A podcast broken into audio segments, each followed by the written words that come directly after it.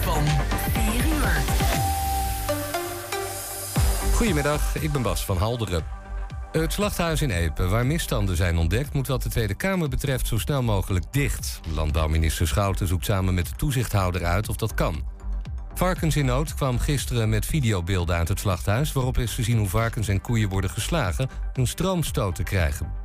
Opnieuw hebben honderden Nederlanders het coronavirus meegenomen... van hun zomervakantie in het buitenland. Het waren er zeker 400 de afgelopen week... en de meeste waren in Spanje of Portugal geweest. Het is niet bekend hoeveel mensen de zeer besmettelijke Delta-variant van het coronavirus hadden. Het CDA zakt steeds verder weg in de peilingen van Ipsos... en heeft nu negen zetels over van de 15 van de verkiezingen. Het laagste record zou vooral te maken hebben met het opgestapte Kamerlid Pieter Omtzigt. Het CDA maakt sinds die tijd een vrije val. VVD en de Boer-Burgerbeweging profiteren het meest van die malaise. En door de explosie vanmorgen in een bestelbus op Scheveningen... zijn bij ruim 20 huizen de ruiten gesprongen. Bij sommige huizen is ook de bouwconstructie beschadigd geraakt. Bij de explosie vielen twee gewonden onder wie de inzittende van het busje. Over de oorzaak is nog niets bekend. Het weer bewolkt en buien, mogelijk met onweer. Ook droge periode. Het is 17 graden op de Wadden en 25 in Limburg. En tot zover het ANP-nieuws. Waar kan ik een APK laten uitvoeren en meteen een onderhoudsbeurt van mijn auto laten doen? Ik ga altijd naar eh, de Gebroeders van der Mei uit Enschede. Vakmanschap, passie en echte service zijn kernwaarden van Gebroeders van der Mei. Of het nu gaat om eh, APK-keuringen, reparaties, bandenopslag, totaalonderhoud, deuken verwijderen of een nieuwe trekhaak, zij regelen het voor je. Gebroeders van der Mei vind je aan de Lonnekerbrugstraat 80 in Enschede.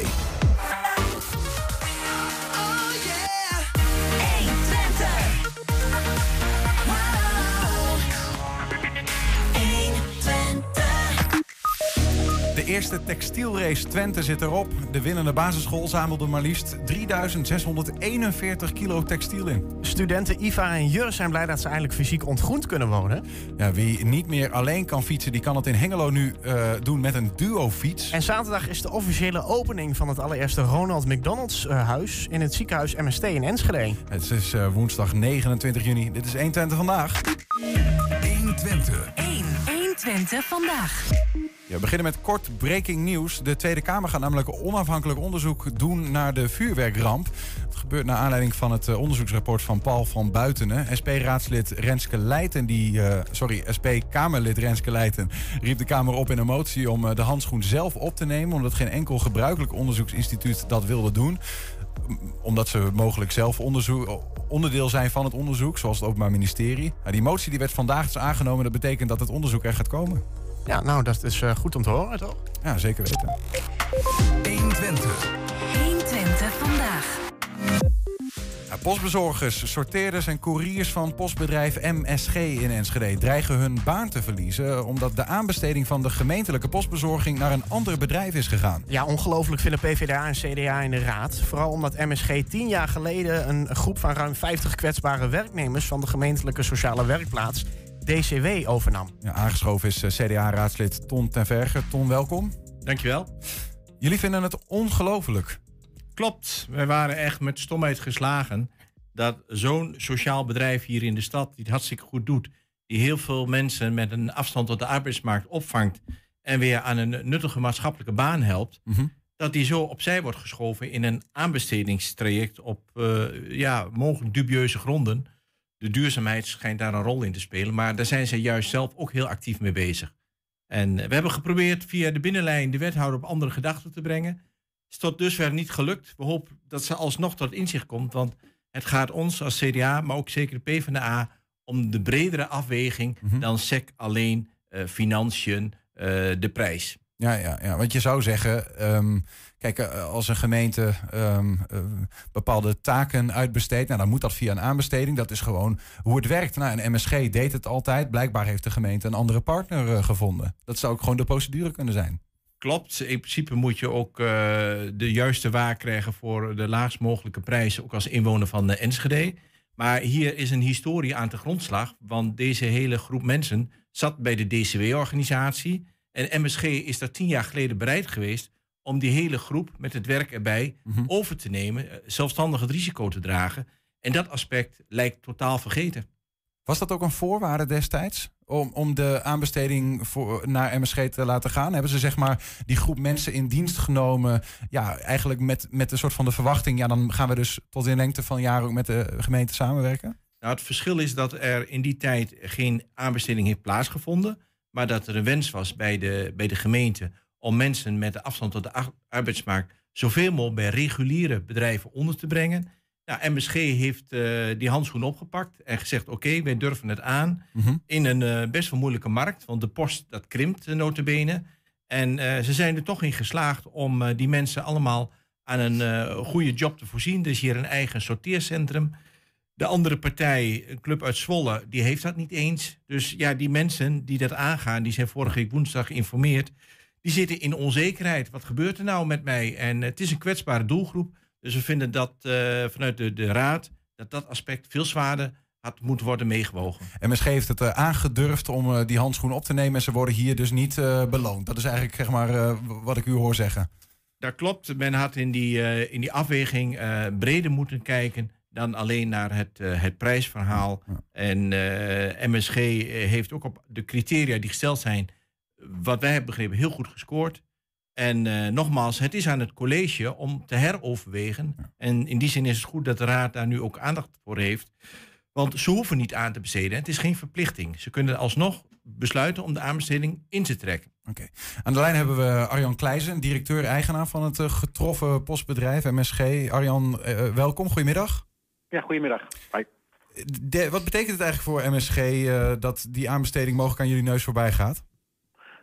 Nou, allereerst, uh, ik moet al een beetje oppassen wat ik vertel en zeg. Want uh, in een lopende aanbestedingsprocedure mag je niet van alles uh, daarover roepen. Dus ik ben een beetje voorzichtig in mijn uitspraken. omdat je anders bij voorbaat al de aanbesteding verliest. Dus vandaar dat je je moet voorstellen dat ik een beetje voorzichtig ben in mijn uitspraken. Maar in basis, het, het verhaal klopt. wij hebben meegedaan met een aanbesteding die uitgeschreven is door de gemeente Enschede. daar hebben we aan meegedaan. Daar hadden we vol vertrouwen in. het ging over een aantal onderwerpen, waaronder maatschappelijk verantwoord ondernemen, waar het ging over, uh, over duurzaamheid en over, over kwaliteit mm -hmm. en prijs. Uh, de verhoudingen daarin, ja, daar kun je alles van vinden. Uh, maar daar hebben zij uiteindelijk een keuze in gemaakt waar wij nog wel vragen over gesteld hebben. Ja. En ja, dat heeft ons uiteindelijk, denk ik, de kop gekost. Dat er in de verkeerde verhoudingen is gekeken. en waardoor dus bijvoorbeeld het maatschappelijk verantwoord ondernemen en het, en het inzetten van mensen met afstand tot de arbeidsmarkt, die bij ons allemaal werkzaam zijn, mm -hmm. dat dat toch niet zwaar genoeg is meegewogen. Ja. Uh, dus, uh, en ja, de consequenties zijn op dit moment nog heel moeilijk in te schatten. We hebben nu in eerste instantie hebben we gezegd van, nou, we zijn het er niet mee eens. We vinden dat er dingen in staan die in basis niet goed zijn. Dus we zouden graag willen dat dat uh, toch op een of andere manier dat daar anders naar gekeken wordt. En ja, wij hopen, zeker met, de, met, met datgene wat de CDA en de PvdA op dit moment doen, dat ze daar vanuit de, gemeente Enschede dan toch eens een keer heel kritisch naar kijken en die aanbesteding toch op een of andere manier terugtrekken. Want dat zou voor ons het beste zijn. De je... grootste, conse grootste consequentie die het kan hebben, sorry dat ik nog even, dan, want daar gaat het uiteindelijk om, is dat er toch een uh, 54 medewerkers met een afstand tot de arbeidsmarkt al meer dan 10 jaar bij ons werken en eigenlijk ja, waarvan wij verdienen dat ze bij ons een, een, een, pensioen halen, dat die nu, die, ja, daar staat er links of rechts van staat het een en ander op de tocht. We weten niet waar we aan toe zijn. En ja, we hebben de mensen het afgelopen woensdag hebben we het verteld. Ja, en ze zijn eigenlijk letterlijk de stomheid geslagen. Dus, en deze groep heeft gewoon ongelooflijk veel belang bij continuïteit en structuur. Mm -hmm. en ja, die kunnen we ze nu even op dit moment niet bieden. Dat hebben we de afgelopen tien jaar wel gedaan. Nee, dat, is, dat is duidelijk. Um, tien jaar geleden dus met, de, met de gemeente in zee gegaan. Hè? Jullie durfden het aan eigenlijk, zoals hier wordt gezegd. Ja. Um, in een onzekere markt. Um, hebben jullie op dat moment ook afspraken gemaakt eigenlijk met de gemeente over een lange arbeidsrelatie? Of is die ook gewoon, uh, zeg maar, ja, wordt hier ook een afspraak geschonden? Of is dit mogelijk een einde verhaal zonder dat er een afspraak wordt geschonden? Uh, ik, kan, in feite zijn, het, zijn er twee kanten van het verhaal. Op het moment dat wij net begonnen, dat was op het moment dat eigenlijk alles bij elkaar hoorde. Dus uh, de mensen die gingen wij, uh, die gaven wij werk. een deel van het werk bestond uit het werk was de postbezorgen en de couriersdiensten van de gemeente Enschede. Dus je kreeg eigenlijk, is het een soort samenvoeging van twee dingen.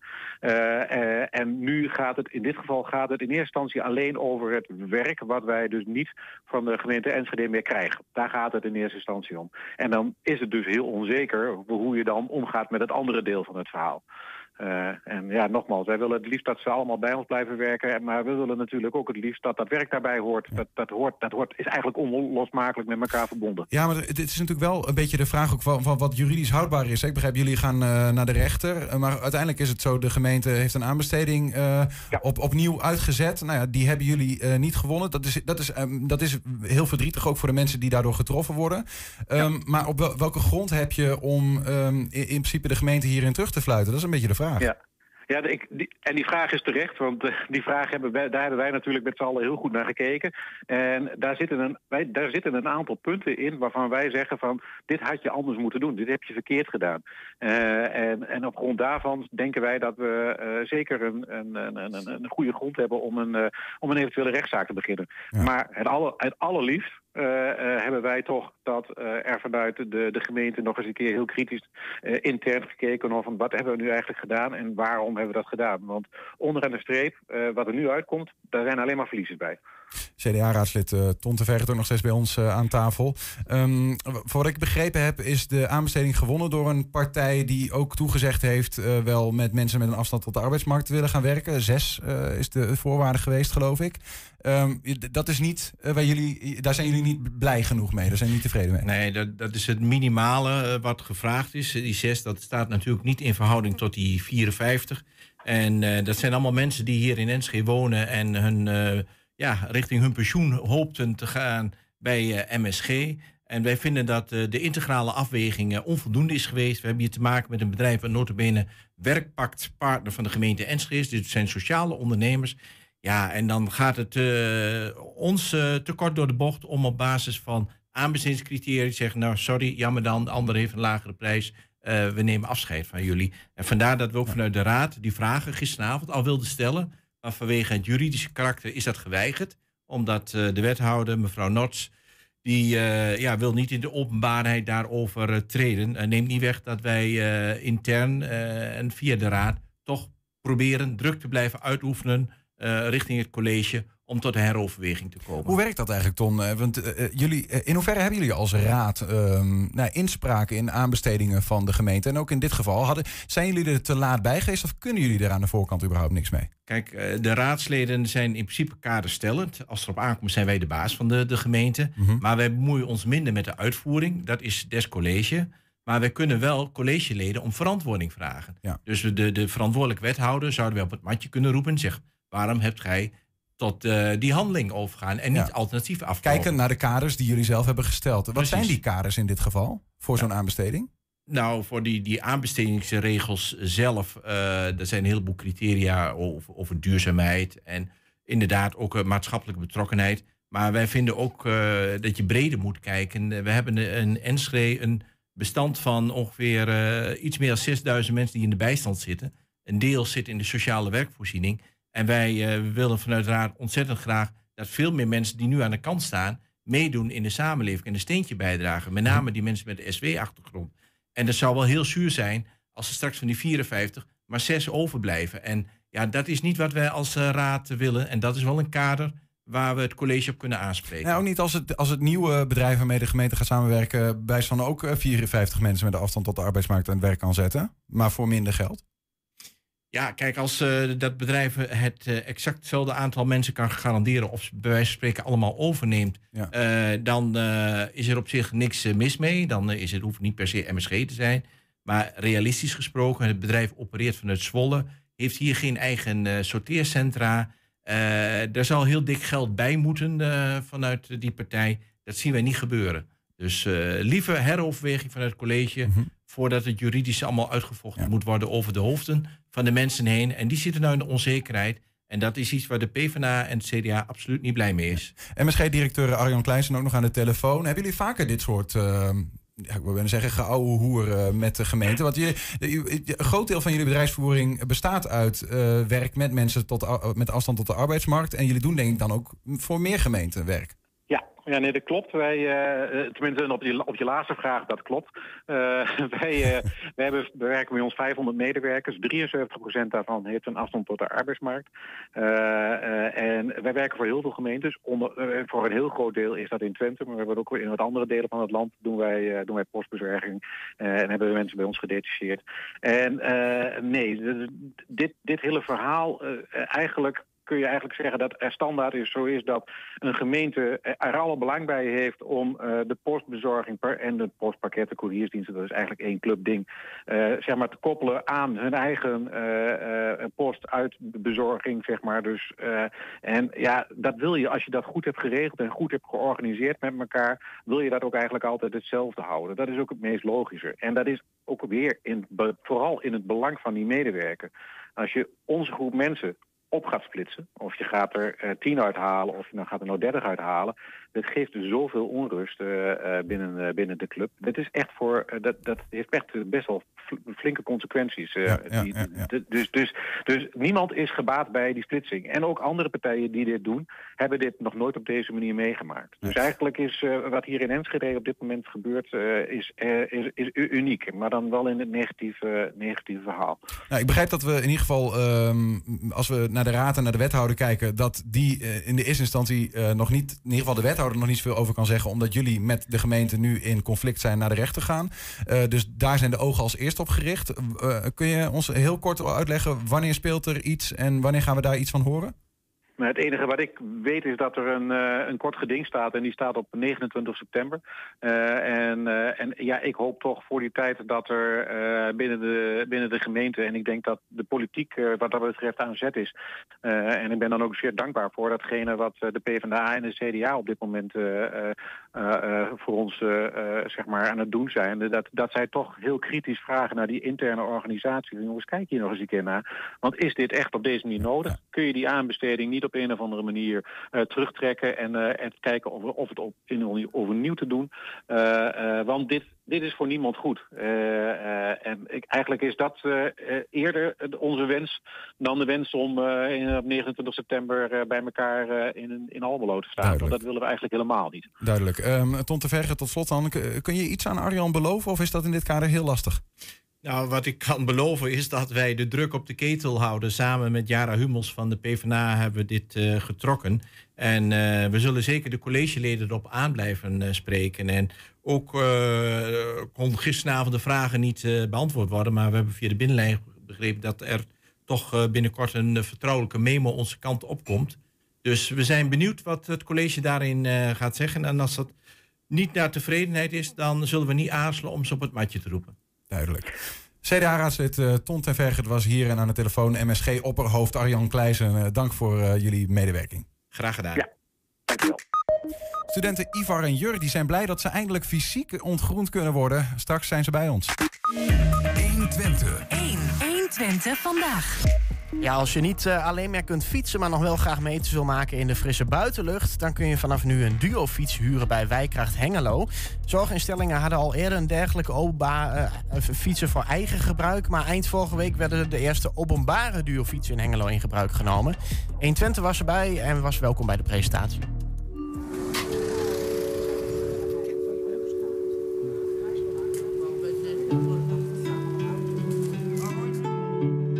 Nou, een duofiets is een heel erg mooi middel om uh, mensen die beperkt zijn in, in uh, conditie, uh, die een, een, andere beperking hebben, om toch de mogelijkheid te geven samen te kunnen fietsen met iemand die ze goed kennen. Of dat het een vrijwilliger is, of de buurman, of een familielid. Maar dat ze toch op die manier de kans krijgen om lekker op de fiets te gaan. Het belang van dit project is dat veel Hengeloers die zelf niet meer kunnen fietsen, die eenzaam zijn of beperkingen hebben, samen met een vrijwilliger uh, op deze fiets een uh, rondje kunnen maken door Hengelo en omgeving. Dus uh, zo'n fiets helpt daarmee om mensen wat zeg maar, mobieler te maken. dat ze de stad wat beter kennen en, en de omgeving. Dus dat is het project. In 2018 zijn we gevraagd om te doneren. De aanleiding daarvan was het thema eenzaamheid. En vanuit het thema eenzaamheid kwam de behoefte aan een duofiets. En de vraag was van, joh, we hebben uh, geldtekort, het moet gefinancierd worden. En is de vraag bij ons neergelegd, uh, lokaal van ons Hengelo, kunnen jullie hier ons ondersteunen? En het is aan ons als, als bestuur dat wij het project dan gaan beoordelen. En het voldeed aan alle criteria om hieraan uh, te mogen bijdragen. En vandaag is het dan gerealiseerd. Bent u blij met het initiatief? Heel erg blij, ja. Want de, de patiënt, of man of vrouw, maakt niet uit... die komt ook al eens vanuit huis met die fiets in Bossel of waar dan ook maar. Nou, dat is gewoon stuk leuk. Desnoods ga je ermee naar het ziekenhuis, dat is voor een onderzoek. Ideaal. Wij beginnen met één fiets, maar als het een succes is, ja, wie weet.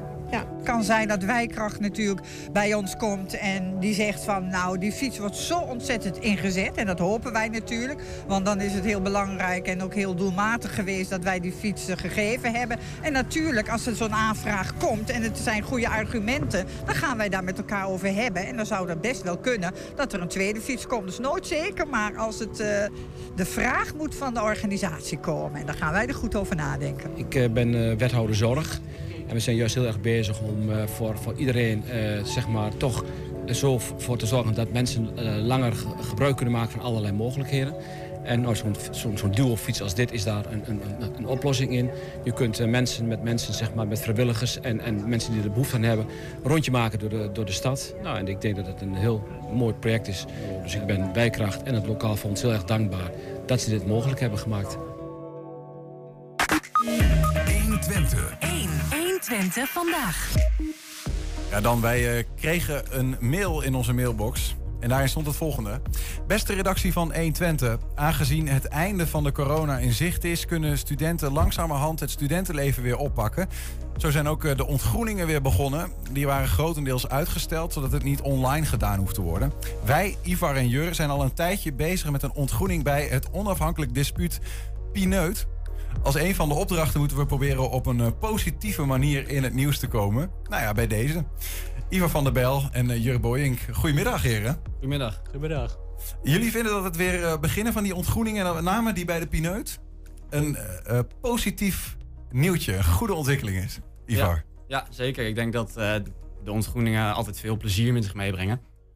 En doordat wij nu weer ons ding kunnen doen en meer studenten dat kunnen doen bij bijvoorbeeld Pineut, uh, denk ik dat heel veel studenten eindelijk weer uit kunnen, nu ook zeker. En dus meer plezier en meer uit hun studententijd kunnen halen. Nou, wanneer begon jullie ontgroeningstrip fysiek? Uh, eind april, uh, 20 april ongeveer. 20 april. En die duurt dus tot en met nu in ieder geval, want dit is er dan een soort van onderdeel van, nog weer voort. Hey Jur, als je, wat zou het leven bij een dispuut zijn zonder ontgroening? Um, ja, de ontgroening hoort er natuurlijk wel gewoon bij. Um, je leert de groep ook op een andere manier kennen. Want als je gewoon maar uh, erbij zit, ja, dan, dan ja, je krijgt niks extra's mee. Mm -hmm. En uh, dit is ook niet een hele normale ontgroening. Um, normaal wat je, hoor je nog best wel vaak dat je heel erg wordt vernederd en uh, dat soort dingen. En die ontgroening bij Pineut is eigenlijk echt om iedereen beter te leren kennen, elkaar beter te leren kennen. Uh, ja, er zit echt een doel achter. Ja, maar jullie zijn, uh, in tegenstelling tot andere ontgroeningen die normaal aan het begin van je periode beginnen, zitten al een tijdje bij die club, toch, Jur? Um, ja, nee, uh, dit, dit is een beetje, zit vast aan de studie werktuigbouwkunde. Mm -hmm. En um, bij de kick-in, de introductieweek, um, ja, kun je al zeg een beetje hun, hun, tegenkomen. En je kunt er gevraagd worden of je een keer wil meeborrelen. En nou, wij hebben allebei ja gezegd toen. En ja, dan begint eigenlijk de eerste vleeskeuring. en uh, ja, als je dat dan uh, daar doorheen bent, dan ja, mag je aan de ontgroening beginnen. En dan hopelijk uh, ja, mag je daarna bij Pineut. Normaal, normaal begint dat in januari, na de kerstvakantie. Maar dat is nu dus uitgesteld. Ja, ja, precies. Maar begrijp ik, want jullie zaten al bij Pineut. En dus je hebben de ontgroening eigenlijk wat later gedaan dan gebruikelijk. Het is eigenlijk uitgesteld.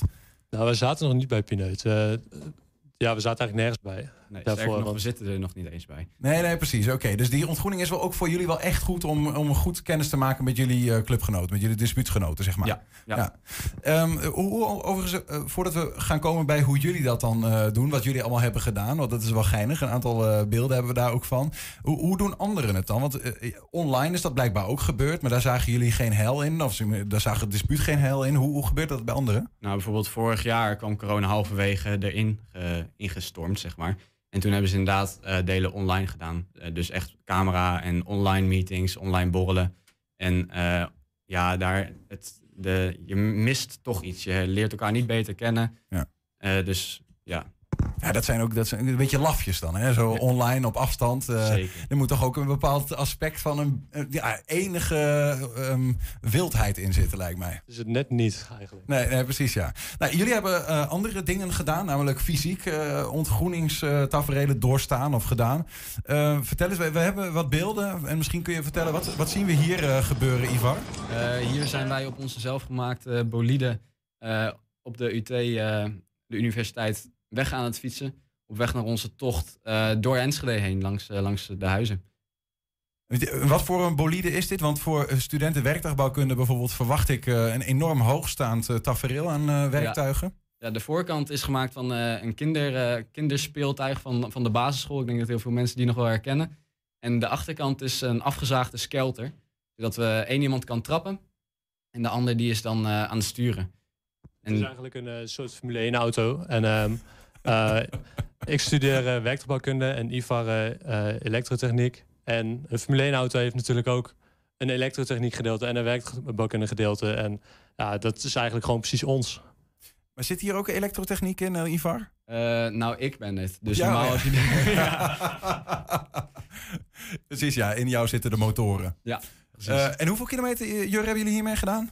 Eh, ik denk rond de 20. Ja, 20. Goedemiddag. Eh, wie, eh, wie heeft getrapt dan? Jij hebt de hele tijd getrapt? Nee, eh, want bij een Was motor... maar zo'n feest. Ja, helaas. Bij een, eh, in de Formule 1 is het natuurlijk ook 50-50 elektrotechniek, eh werktuigbouwkunde. Dus Ja. we hebben het gewoon netjes afgewisseld. Ja, ja, ja, ja. Wanneer is dat gebeurd? Heb je nog een beetje pijn aan eh, de, de poten of niet? Eh, dit is eh, volgens mij een week geleden. En, maar gisteren hebben we nog eh, twee banken vanuit Hengelo naar Enschede weten te vervoeren op ook dat ding. En toen hebben we het ook weer afgewisseld. Dus ik heb nog wel spierpijn. Oké, oké. Ze zijn hier niet gekomen met dat ding, of wel? Nee. Jullie hebben nog iets gedaan, eh, iets bijzonders. Even kijken. Vertel, Jur, wat gebeurt hier? Ehm, nou, eh, het is een hele lange buis vanaf de vijfde, Zeven. zevende verdieping. En eh, er werd vanaf boven een eh, biertje ingegoten. En eh, aan mij was de taak om zo snel mogelijk op te drinken. Maar ja, het ging helaas niet zo snel, want er kwam heel veel lucht bij. Het ziet er ook uit als een heel dun lijntje. Er gaat niet Ja. heel veel bier doorheen. Ja, daarom hebben we er ook eh, twee naast elkaar gedaan. Het ging Ja. nog iets sneller. Hoe lang heeft het geduurd voordat je het biertje gehad had? Ehm, ja, ligt eraan hoe je het bekijkt. Want toen het hele biertje al leeg was gegoten, had ik nog niks beneden. Dus eh, ja, ik weet niet. Ja, wel langer dan normaal. Zijn er nog andere dingen, heren, die, eh, die wij niet op beeld zien, maar die wel gebeurd zijn eh, in dit eh, hele ontgroeningsverhaal? Ehm, ja, die gebeurd zijn. We hebben onszelf natuurlijk voor moeten stellen. Eh, dat, normaal kan dat via een toneelstukje of iets anders. Wij hebben dat gewoon een interactief verhaal te houden eigenlijk gedaan. Dat was het begin. Wij hebben ook met elke pineuter op date geweest. Dus dan zijn we bijvoorbeeld wezen golfen of wezen hardlopen. Eén voetballen. op één. Ja, één Want op hoeveel één. mensen zitten er in dat dispuut? Eh, Voor mannen? Dat is een spannende vraag, maar volgens mij 17. Oké, dan, dat is ook, dan heb je 17 dates gehad. Ja, dus dat was erg druk, maar wel erg leuk. Ja. Want jullie hebben ook allebei een, een shirt aan waar, eh, nou ja, wat, eh, paletten, beste peert van stal. Wat, wat, wat is dit voor shirt dan, eh, Jur? Heeft het ook met die ontgroening te maken? Ja, dat klopt. Ehm, hij was eerst helemaal leeg. En ehm, eh, we hebben altijd een stift op zak. Dus als we weer wat meemaken, dan vragen we of die mensen wat op willen schrijven. Dus dat eh, krijgen jullie straks ook nog. En eh beste pit van Stal is, we hebben ook nog een dropping gedaan. En eh, ja, toen werden we, waar werden we gedropt? Duitse grens ergens. Ja. Met een eh fuste bier. En dan moesten we maar zien terug te komen. En ehm, toen hebben we het laatste stukje ehm, eh, in een paardentrailer gedaan. Dus zijn we zo eh, Enschede binnengereden. En die, die mensen hadden dus paarden thuis. En toen hebben we gevraagd of ze nog wat op wilden zetten. Nou, we waren dus de beste pit van stal. Mooi. Dit, eh, daar hebben we geen beelden van, helaas. Dat, dat was ook wel. eh, dus allebei in een paardentrailer eh, terug naar huis gebracht. Ja. Lekker Ja. hoor. Ehm, wij dachten, ja, we kunnen misschien nog wel wat, eh, wat toevoegen aan jullie eh, ontgroeningsgeheel. Oké. En jullie eh, club, jullie dispuut heet Pineut. De, het het eh, logo daarvan zie ik overigens nog niet eh, op jullie shirt staan. Nee, dat mag niet. Een, een, een, een, een pie, hè? De, het tekentje pie en een, en een glas. Iets met een neut. Een neut. Dus we dachten, nou ja, goed, we hebben ook nog wel een, een neutje. En dat is een neutje gemaakt door eh, onze geliefde stadsboerin Karin Vaneke. Als je nog niet hebt gehoord of nog niet hebt gezien ooit, als je er ooit hebt gezien, dan weet je wie ik bedoel. Eh, bijzondere vrouw, eh, doet van alles en ze maakt onder meer eigen drank. Die potten die staan bij ons. En als er dan borrels zijn hier, dat gebeurt in coronatijd nooit. ehm, dan wordt daar wel eens uit gedronken. Ik heb voor jullie allebei één glaasje getapt. Je mag hem ook eh, je mag hem wegatten. en dan ben ik benieuwd of jullie weten wat dit is en wat, er, eh, wat, wat voor een vrucht hierin in in eh, heeft gezeten, waar dit vandaan komt. Oké. Let's go. Proost. Niels, omschrijf het even, hè? blijf radio. En er wordt hier, eh, er wordt hier even. eh, de- de- de- het rolt over de tong. Het is een geel drankje wat Ja. we ze hebben gegeven, die mannen. Abrikoos. Jur? Oh, je hebt de microfoon, anders horen we je ja, niet. De, iets abrikoosachtig. Dat is allebei goed. Dit is- Oh. eh, ja, klopt. Heel goed. Ja, ja, ja, ja, ja, ja. Het is abrikoos. En dit is wat wij nou noemen in Twente boerenwichter. Aha. Ooit van gehoord? Nee. Krijgen we er een fles mee? Of, eh? Eh, nou, ik denk eerlijk gezegd dat sommige redactieleden dat helemaal geen probleem zouden vinden. Eh, er, er staat nog een hele pot daar, dus eh, vraag het daar maar eens en van mij mag je meenemen. Met de groeten van Karin Vaneke. Eh, het, het brengt ons even bij de vraag Pineut. Was- wat voor een club is dat eigenlijk, Ivar? Ja, het is, een, een- het is vooral een vriendengroep. Het is echt, echt een vriendengroep, maar dan intens. Ehm, waar iedereen elkaar echt door en door kent. En ja, je doet allerlei leuke dingen. Je hebt een wekelijkse borrel. maar je hebt ook extra activiteiten zoals om het jaar of met de a- vaders of met de moeders of met de broertjes en zusjes iets leuks doen. Dus ja, het gaat vooral om leuke dingen doen en lol hebben. Hebben jullie, heb je dat gemist, Jur, in de coronatijd? Dat je een, eh, zo'n dispuut had? Want je, hebt een, ja, je komt eigenlijk dan soort van te laat. Nou ja, te laat kom je ook niet, want iedereen zit met hetzelfde probleem. Maar het is natuurlijk wel heel jammer. En ja, je mist het wel in je studententijd. Het is natuurlijk niet alleen maar studeren. Het hoort er wel bij. Maar beetje plezier hebben is natuurlijk ook heel belangrijk. Ja, ja, ja. Hoe, hoe, hoe blij ben je op een schaal van 1 tot 10, zeg maar, dat je, dat, dat je nu gewoon weer bijvoorbeeld dat de discotheken open zijn of wat dan ook, dat dat deel van het studentenleven met bijvoorbeeld Pineut weer echt eh, aan is? Ja, dikke 10. Dikke Ja? 10, ja. Ja, dus en je hebt, en jij dan ook, Ivar, echt, echt gemist? Ja, ik heb in mijn eerste jaar nog wel iets meegemaakt. Het eerste halfjaartje natuurlijk. Ja, want Maar- jij zit al in je tweede jaar van je studie. Ik zit in mijn tweede jaar. Eh, dus ik heb al wel een beetje mogen proeven. Maar ik denk dat een dispuut nog wel eh, een nieuwe dimensie is. Eén ding nog tot slot, heren. Ehm, wat is een pineuter heeft een leuter? Eh, dat, ja, dat is het eh, liedje. Eigenlijk. En ehm, ja, het, is, eh, het staat eigenlijk symbool voor dat er eigenlijk alleen maar mannen mogen zijn. Ja, het is een leute, dus het kan nooit een vrouw bij het dispuut komen. Het is geen gemengd dispuut. Niet echt een woke eh, gedachte hè, in 2021. Nee, het staat ook al heel lang. Het is al eh, sinds 1992, dus... Ja, ja, ik vond het wel mooi. Ik keek even op jullie website en er stond dispuutsliederen of eh, eh, liederen des dispuuts of iets dergelijks. En er stond maar één lied en dat was een pineuter heeft een leuter. Dus dat, is, dat is het lied wat we daar vinden. Ehm, ja, goed, eh, we moeten natuurlijk eh, daar een stukje van horen tot slot. Hebben jullie weten jullie de tekst uit je hoofd? Wij kennen de tekst niet uit ons hoofd helaas. Helemaal niet? Ik niet. Hoe kan dat nou, jongens? Nou, misschien is dat nog een opdracht die we komt, maar... eh, Waarschijnlijk wel, ja. Oei, ik dacht, eh, we gaan hier gewoon even afsluiten met een liedje, maar dat gaat dus niet gebeuren. Zal ik de Nee. tekst voordragen dan? eh? Zeker. Of eh, ik, ik heb de tekst hier. Misschien, eh Jurg, zou jij hem eh, in ieder geval dan dichterlijk willen oplezen? Een pineuter heeft een leuter. Gedichtelijk, gedichtelijk. Ja. Oké. Een pineut heeft een leute, geen dames bij de club. Lekker ouwe hoeren en zuipen in de pub. We dragen prachtig roze in 9-2 gestart. Nu gelukkig blauw en in het donker zijn ze zwart. Hè, De laatste is voor jou, Ivar. Kom er maar even bij staan. Dan mag je die microfoon even overnemen. Gave oude lullen, die staan altijd paraat. Een pineuter heeft een leuter, dat is een ding dat staat. Een ding dat staat, een ding dat staat. Een ding dat staat, een ding dat staat. Een ding dat staat, een ding dat staat. Die leuter staat. En eh, dit gesprek hiermee ook eh, Ivar van der Bel en eh Jur Boying. Dank voor jullie komst. Ja, geen en, eh, probleem. oh, ga- moet er nog veel meer gebeuren? we weten het niet, maar we verwachten dat het voor de zomervakantie klaar is. Klaar is. Succes ermee. Dankjewel. Top, bedankt. Heb je nou ook een tip voor de redactie? Laat het even weten via info, info@120.nl. Ja, zometeen blikken we terug op de eerste textielrace Twente. De winnende basisschool zamelde maar liefst 3641 kilo textiel in, Niels. 3641 kilo. Dat is een heleboel. 120. 120 vandaag. Ja, verstopt in de bossen tussen Hengelo, Beckham en Delden staat een grenspaal met een bijzonder verhaal. Collega's Arjen en Stan gingen samen met Gerard Post van werkgroep eh, Marken Stenen op zoek naar deze stenen markering en het verhaal erachter.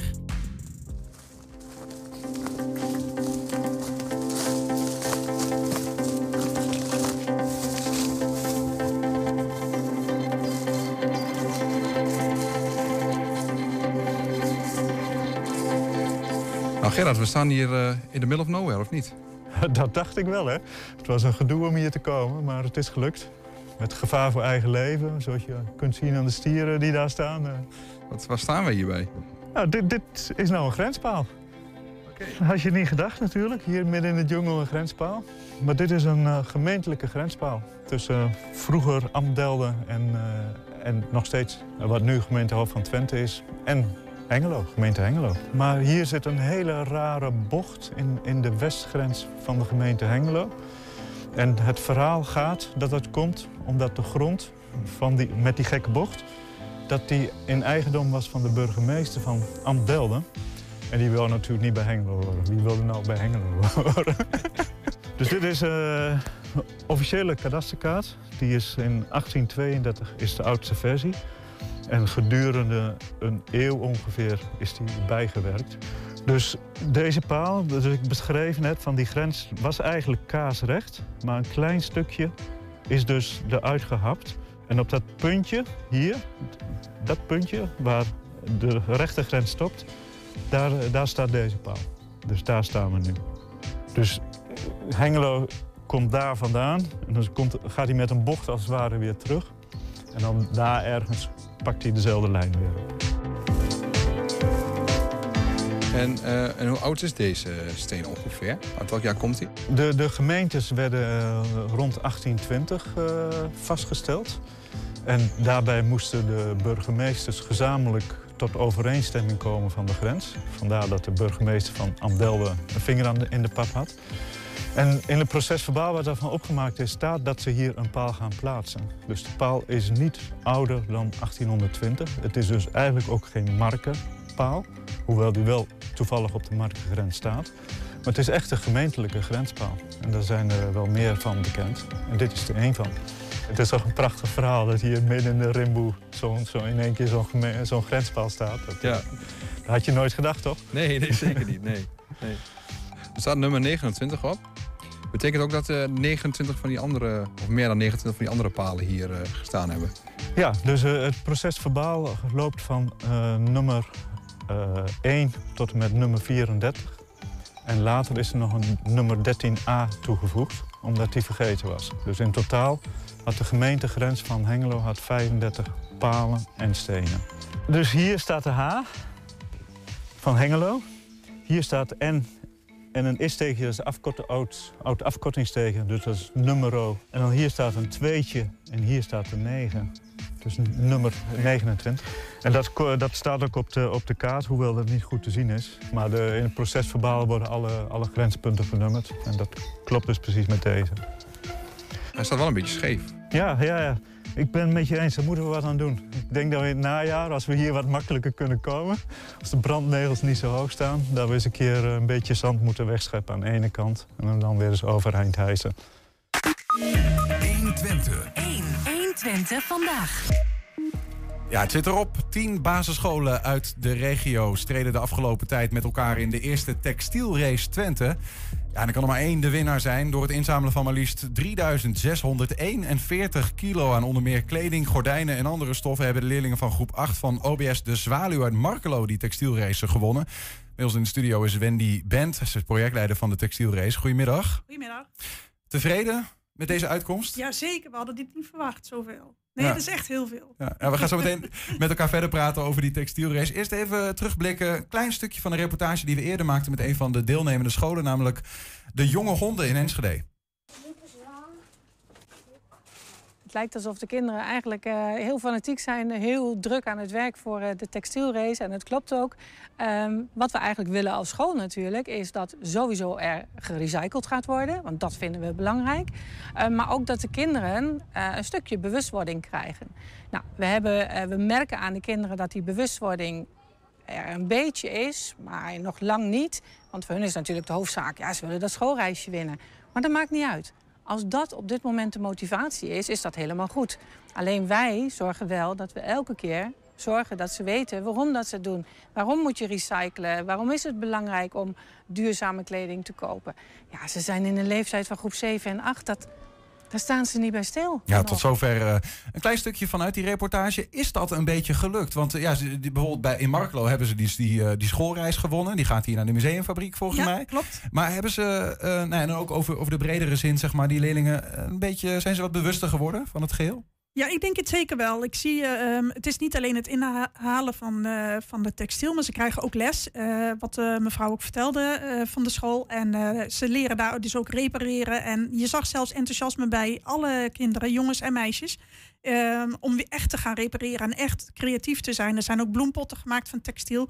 Dus ze gaan wel nadenken van oké, we hebben textiel. Dat is genoeg in de wereld. Laten we het niet verbranden. Laten we er gewoon iets leuks mee doen. En dat is zeker wel gelukt, denk ik. Ja.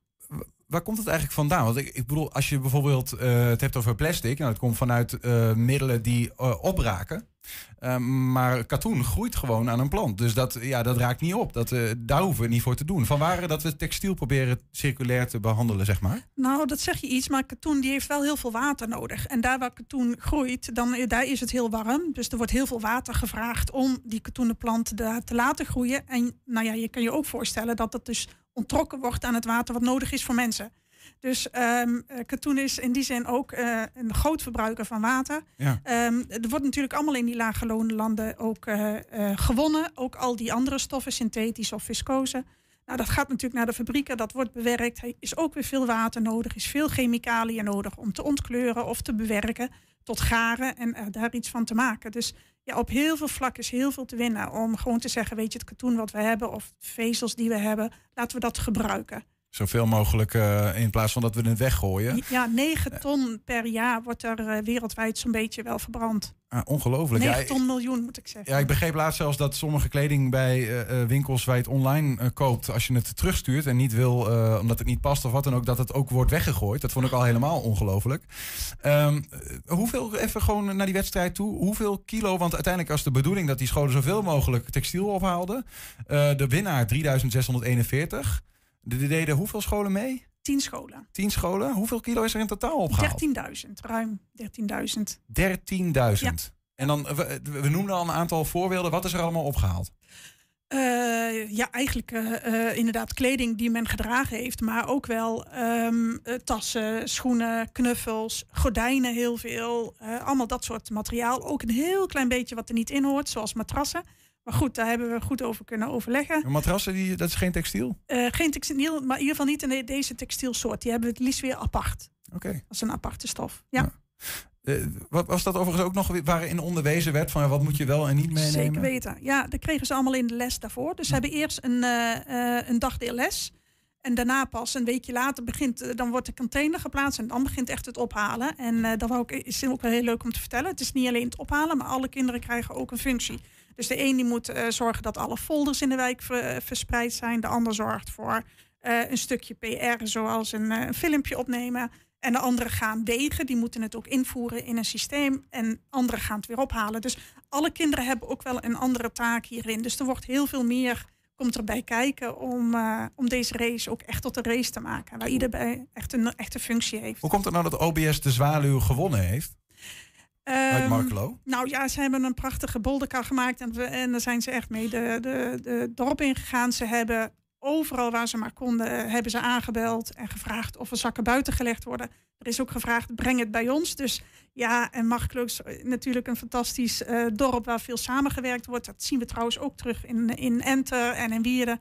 Dus eh, gelukkig ook wel bij de andere dorpen. En dan wordt er echt heel veel eh, meegewerkt. Ja. En nu dan? Want bijvoorbeeld in Markelo eh, hebben de huizen nu gezien van ja, blijkbaar kan ik iets met mijn textiel.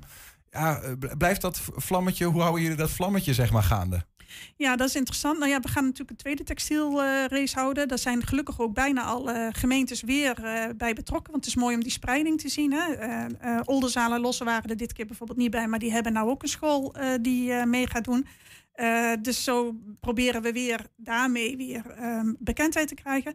Ja, en eh, ehm, wij zijn heel druk bezig om te kijken hoe gaan we die inzameling doen? Hoe maken we het aantrekkelijk? Eh, waar zetten we onze co- textielcontainers neer? En wij hebben daar wel zo onze ideeën voor, maar dan gaan jullie de aankomende tijd eh, gaan jullie dat zien. Alright, dus we gaan op herhaling. Tot nu toe klinkt het als een succesverhaal, maar we, willen, we hopen toch ook wel dat, er- dat er iets mis is gegaan. voor, gewoon voor de jeu van het verhaal. Ze zijn scholen nog voor uitdagingen komen te staan waar ze niet op gerekend hadden? Ja, ehm, ja, er is wel een. Voor één school was het moeilijk om wel op te gaan halen vanwege de corona. Die hebben echt gezegd van wij vinden dat toch een moeilijk verhaal om eh, zo dicht met onze burgers in eh, contact te zijn. Maar daar hebben we gewoon een aangepast programma voor gehad. Dat is eigenlijk het enige wat, eh, wat jammer was, maar gewoon gerelateerd aan deze tijd. Ja, ja. Ja. ja, die haalden gewoon te weinig op en toen moesten ze een goede reden verzinnen. Ja, niets eigenlijk. Dat hebben ze gewoon gezegd van laten we dat niet doen. We willen dat niet voor onze. Het- hoezo, hoezo is het eigenlijk dat, ehm, dat er op dit moment, want die textielrace is nu begonnen, eh, terwijl ja, dit textiel, dit vraagstuk hè, van, van ehm, nou ja, bronnen die opraken, ook water wat veel gebruikt wordt, dat is er al langer. Wat is de aanleiding geweest om dit nu te beginnen? Ehm, het is een eh groter project, eh, Circulair Textiel eh, Twente. Ehm, het is een Europees project, eh, daar is subsidie voor gegeven. En heel veel landen doen hier eigenlijk aan mee.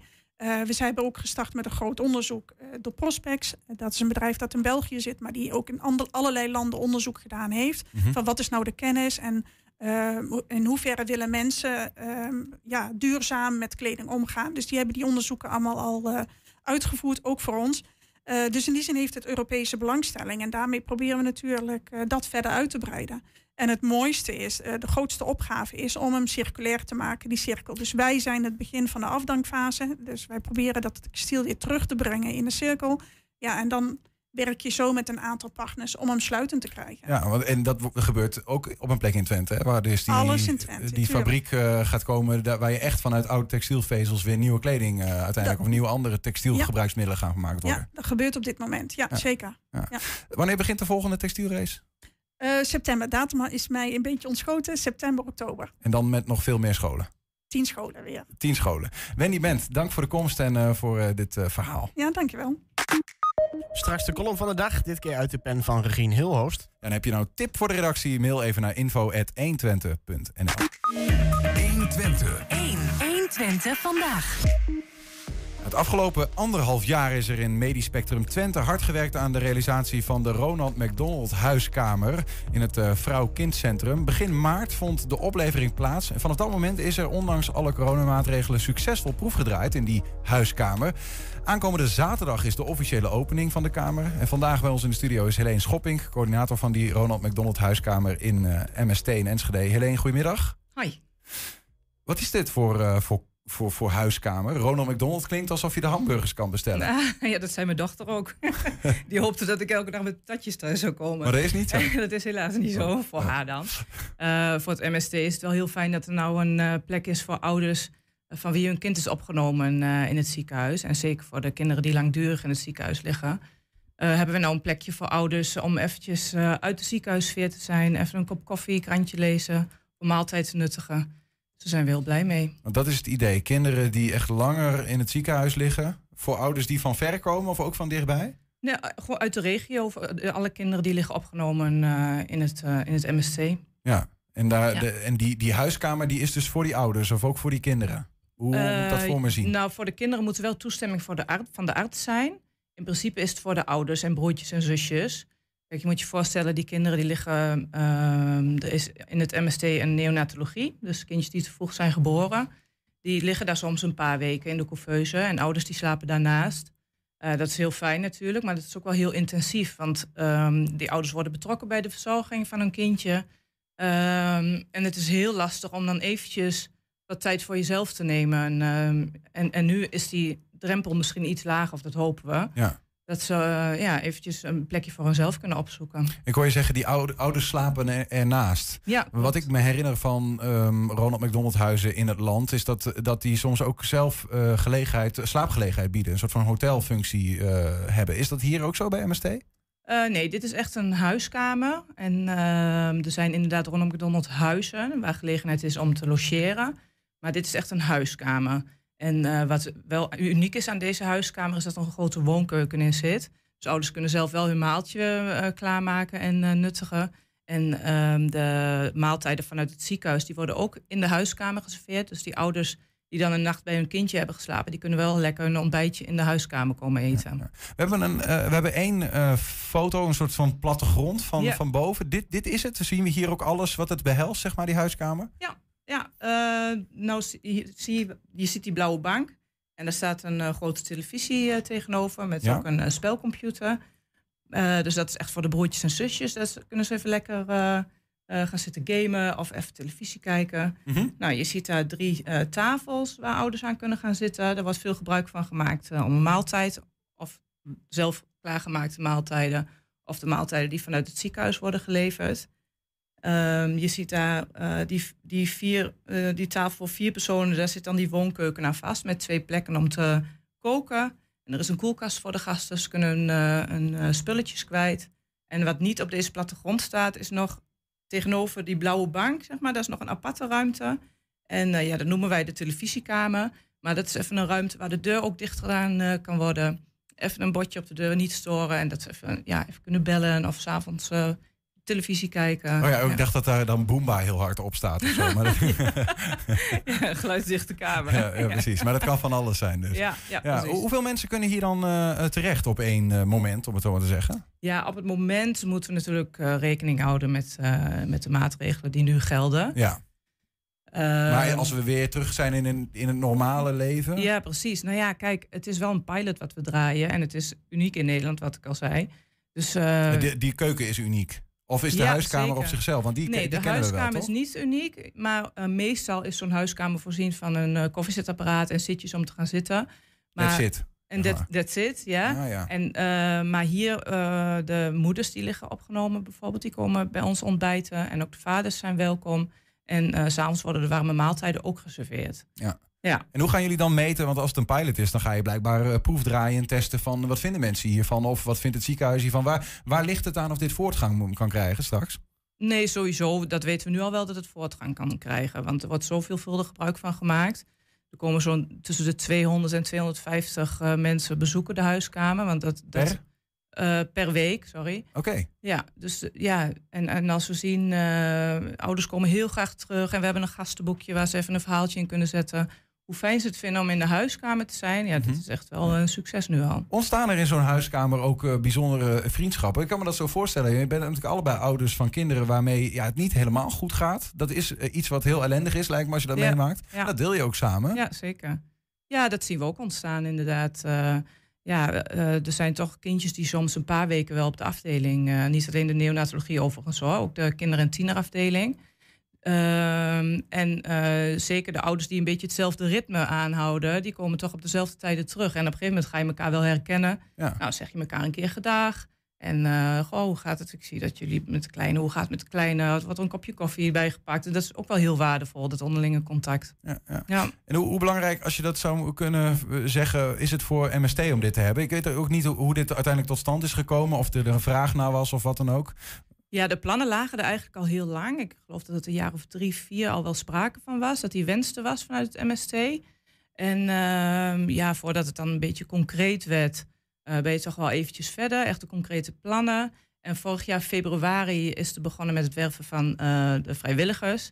En toen kwam de hele coronapandemie natuurlijk. Dus werd het hele project weer tijdelijk stopgezet. Eh, en op een gegeven moment, ja, toen was het eh, eh, december, januari, dus afgelopen januari. Toen werd het wel, toen waren alle vrijwilligers, die hebben allemaal om zijn beurt in groepjes van drie hebben die ingewerkt. Dus alles was er klaar voor. En ja, het was nog een beetje een drempel om over open te gaan in verband met de lockdown. Ehm, maar goed, ehm, eh, in het ziekenhuis is het gewoon heel lastig om die afstand. Want je hebt, je hebt wel wachtruimtes of, of ver- verblijfruimtes voor ouders. Maar dat is allemaal veel kleinschaliger. Dus wat dat betreft eh hadden we zoiets van gooi die huiskamer open. En daar, ja, we kunnen het. eh, Ja, Beter kunnen- dan de wachtkamer. Ja, precies. Ja, Ja, ja, ja. Ja. En dit, want het heet Ronald McDonald Huis. Dat neem ik aan omdat daar eh, geld vanuit het Ronald McDonald Fonds in zit. Nou ja, de McDonald's is wel een, een sponsor. Hè, dat is een partner van het Ronald McDonald Kinderfonds. Maar er is geen subsidie van de, van de regering of vanuit, ja, vanuit het Rijk. Dus dat wordt allemaal onderhouden door sponsoren en donaties. dat is wel heel belangrijk. Ja. Aankomende zaterdag, dan eh, gaan jullie officieel open. Hoe gaat dat eruit zien? Ja, helaas gaat het online zijn. We hadden heel graag iedereen uitgenodigd. Maar eh, ja, we hebben het wel heel, eh, we hebben een heel mooi, we hebben een openingsfilm gemaakt. Dus het wordt een, een live uitzending. Waar we wel de mensen voor kunnen uitnodigen die, die er rechtstreeks bij betrokken zijn. De sponsoren en de, de 71 vrijwilligers waar het op draait. Dus ehm, ja, het wordt echt wel eh groot. eh gaan er met de knallen in. Ja, en is dat voor, ook voor, is dat dan niet voor het publiek zichtbaar? Die, eh, Ja, jawel hoor. We gaan de link wel delen waarop je het kunt terugkijken. Maar het is inderdaad niet openbaar. Het is wel op uitnodiging. Maar het kan wel eh, online gevolgd worden. Oké, alright. Nou, het- het- wil je het op dat moment zien of terugkijken? Waar kunnen de mensen dan terecht? Hebben we daar een linkje of iets dergelijks? Ehm, even zoeken. Ja, ik heb daar wel een linkje van. Maar het is me zo snel ontschoten. Voor nu, zoek even op Google eh, Ronald McDonald Huis MST, dan vind je het vast. Ja, ja, Enschede Huiskamer. Ja. Heel goed. Helene Schopping, Ja. dank voor de komst en eh, succes zaterdag. ja, ook bedankt. 120. 1. 120 vandaag. Ja, FC Twente heeft zich versterkt met Jody Lukoki. De rechtsbuiten tekende vandaag een contract voor twee seizoenen in de Goalsvesten. Daarmee keert hij na ruim vijf jaar terug op Nederlandse bodem. Hij maakt meteen tijd voor een interview. We kijken naar een fragment daarvan. Jody Lukoki, nu zag ik een interview met jou van nog niet eens zo heel lang geleden. Volgens mij met Voetbal International. Ja. Waarin jij zei, aan interesse geen gebrek. Het zal erom gaan eh, of ik voor het financiële plaatje ga of het sportieve plaatje. Eh, ja, ja, ja. ja, dat klopt. Eh, ja, ik heb eh, voor het eh, sportieve plaatje gekozen. En eh, ja, Twente is, gewoon, is en blijft gewoon een mooie grote club. En ja, ik ken Ron Jans natuurlijk ook van mijn tijd bij Pek Zwolle. En ja, dat maakte de keuze ook wel makkelijker, weet je. En ja, het, is, het voelde ook gewoon goed na ons eerste gesprek. En ja, ik had gewoon een warm welkom gekregen ook. Dus ik denk dat ik een hele goede keuze heb gemaakt. Toch nog heel even terug naar die keuze die je Ja. dus moest maken. Wat heeft uiteindelijk dan... Want je was best wel eerlijk, heel ontwapenend eigenlijk Ja, wel. Want van ja, ik, als ik een heel vet contract kan tekenen... zou ik gek zijn als ik het niet deed. Ja. Ehm, waarom dan toch uiteindelijk heeft het sportieve zeg maar, de overhand gekregen? Eh, ja, want natuurlijk eh, wat ook een rol speelde is ook omdat je ook eh, heel lang stilstaat. Want in, ja, in april heb ik mijn contract ontbonden. Dus ja, op een gegeven moment als je ook heel lang stilstaat, dan ben je ook gewoon lekker voetballen, weet je. En er waren wel eh, bepaalde interesses, maar eh, ja, niet echt concreet. Maar ja, ik denk als FC Twente langskomt, dan eh, is de keuze denk ik makkelijk gemaakt. Ja, het hele interview met eh, Jody Lukoki zie je op ons YouTube-kanaal. YouTube is eh 120. 120. 1. 120 vandaag. Aangeschoven, onze columnist van de dag, Regine Hilhorst. Welkom. Dag Niels. Ik heb gehoord, breaking news is er vandaag. Namelijk, je gaat exposeren op de Lane of Love. Ja, maar daarvoor kwam ik niet. Maar Nee, dat, klopt. Ja, maar dat is super geweldig. Ja, we hebben een klein fotootje. Ja, ja dat is, dat is eh, in de Lange Straat. Dat, eh, eh, fotograaf Indra Simons heeft foto's gemaakt. Ik heb daar gedichten bij geschreven.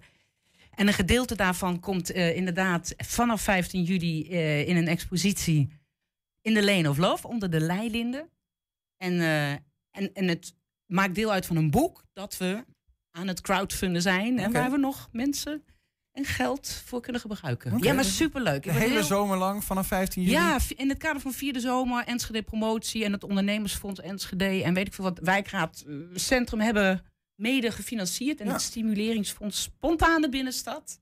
Wat is het, wat is het onderwerp, heel kort? Uh, neem me voor lief. Het, het gaat over vier het leven, vier de liefde hier in Enschede. En het, het gaat over foto's van eh, trouwreportages op journalistieke wijze gemaakt. Waar mensen eh, het leven en de liefde vieren in alle soorten en maten. Gaat het zien, vanaf 15 juli. Ja. Eh, Gefeliciteerd met die... Ja, Dank u wel. Ja, wat leuk dat jullie dat meenemen. Regine, de column van de dag, de, het podium is geheel voor jou. Ja, goed. Nou, ehm, het heet Roodkapje, Mondkapje, Grapje, Grapperhout. Misschien heeft u het dit weekend op tv gezien. Ik hoop eigenlijk van niet. Maar minister Ferdinand Grapperhaus van Justitie en Veiligheid zong, of wat daarvoor door moest gaan, als afscheidsgroet aan het mondkapje voor de camera van RTL 4 het volgende.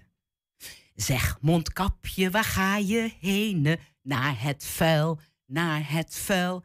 Zeg mondkapje, vind je het niet erg dat ik niet huil? Dat ik niet huil. Nou, dat lollige Ver die zichzelf erg leuk vindt en één grote grap maakt van zijn eigen ministerie, dat wist ik al na zijn knuffelbruiloft augustus vorig jaar. En ik ben werkelijk ook pro-knuffel, echt waar hoor, maar Ver, jongen. leg het als rolmodel en vanwege chronisch Haags uitlekken dan ook niet vast op de gevoelige plaat.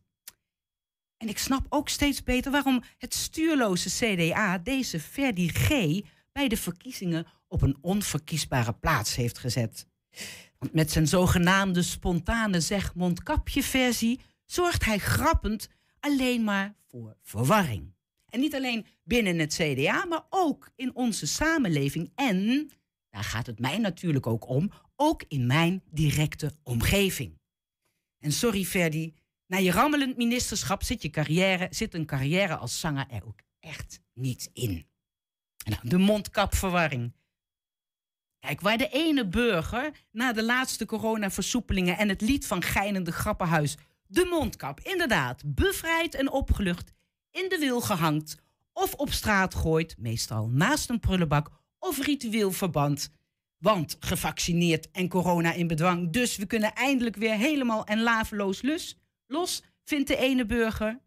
Is de andere burger helemaal niet van die adembenemende en gezichtsvervreemende kap af? Niet omdat deze medemens niet wil, maar omdat het volgens de voorgeschreven wetten van het ministerie van Verdi himself in bepaalde situaties nog steeds verplicht is deze stoffen melkkorf te dragen. In het openbaar vervoer, op middelbare scholen en in het vliegtuig. En in besloten gebouwen als buurthuis, kerk, moskee, culturele instelling of 120 vandaag bepaalt de organisatie of de ondernemer zelf of de nog steeds geldende anderhalve meter afstand gehandhaafd kan worden. Zo niet, moet den mondkap op. op. Dus nog niet bij het vuil, bij het vuil. Nou, en ik kan u vertellen, dit leidt tot verwarrende situaties. Die ik dit weekend gedeeltelijk zelf meegemaakt heb en gedeeltelijk vandaag verzonnen heb. Omdat verzonnen zaken soms scherper zeggen waar het om gaat. De afgelopen zondag, en dat is waar, was ik mede-organisatie van het Warme Woordenfestival in Tetum. Dat Stichting Dichters in Enschede eindelijk na twee keer uitstel door corona mocht houden. Weliswaar nog met corona, tijdsloten en een gering aantal toeschouwers per slot. Maar hoera, wat een feestje om weer met elkaar live muziek, poëzie, beeldende kunst te beleven. En wat fijn dat Tetum bereid was haar prachtige locatie beschikbaar te stellen.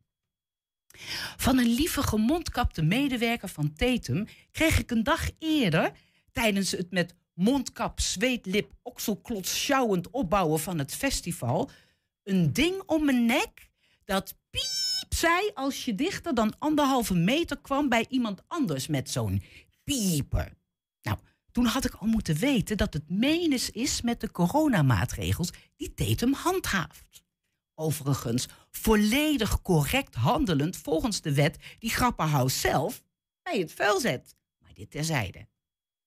En natuurlijk, weet je, ik respecteer de regels van de instelling, maar het kind in mij kon het toch niet laten om steeds met mijn pieper net te dicht bij een ander medemens met pieper te komen. Om gewoon eens lekker te piepen. Gewoon voor de fun. Dat is echt waar.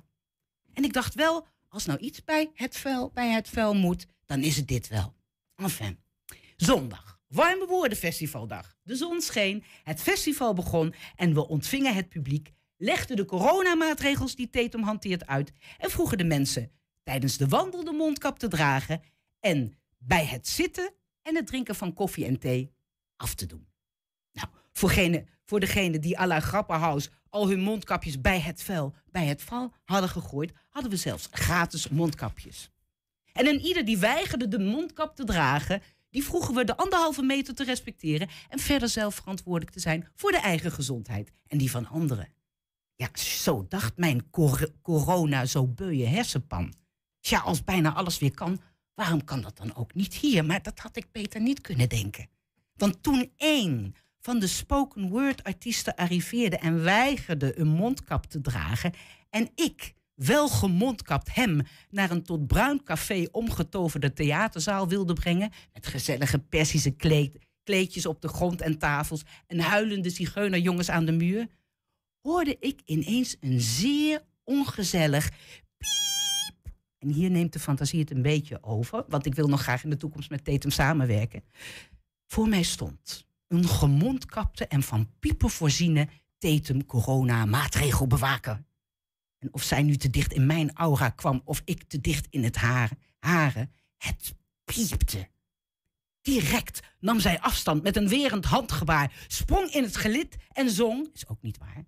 Of wat er voor doorgang, want ze schreeuwde eigenlijk. Zeg, het mondkapje, waar is het mondkapje? En onze artiest zong naar Grappenhuis, naar het vuil, naar het vuil. Ondertussen vormde er zich een cirkel van anderhalve meter. In een cirkel van anderhalve meter een ring lachend publiek. Dat dacht dat het een leuke act was. Is ook niet waar. Dit viel allemaal niet zo goed bij de coronamaatregelbewaker, wiens gezicht boven het mondkap steeds roder werd. En ik dacht bijna dat ze handboeien uit haar zak haalde toen ze zei: En als je je niet aan de regels houdt, mag ik je de toegang tot dit gebouw weigeren volgens coronawet. Zus, artikel zo, paragraaf, bladibla. Nou, wij van het Warme Woordenfestival vonden deze, deze woorden helemaal niet warm. En voorzagen ook een gat in onze programmering. Dus we verzonnen een list, is ook niet waar. Wij, wij gingen met onze piepers veel te dicht bij deze volgens de wet correct handelende medewerker staan. En piepte zo oorverdovend dat zij met haar handen haar oren bedekte en volledig afgeleid was de kans voor onze spoken word gastartiest om naar het warme woordencafé te sneaken en in het, in het kielzok het publiek mee te nemen om daar over liefde en vrede te rappen. Nou, grappenhuis, jongen, ouwe lolbroek, hè.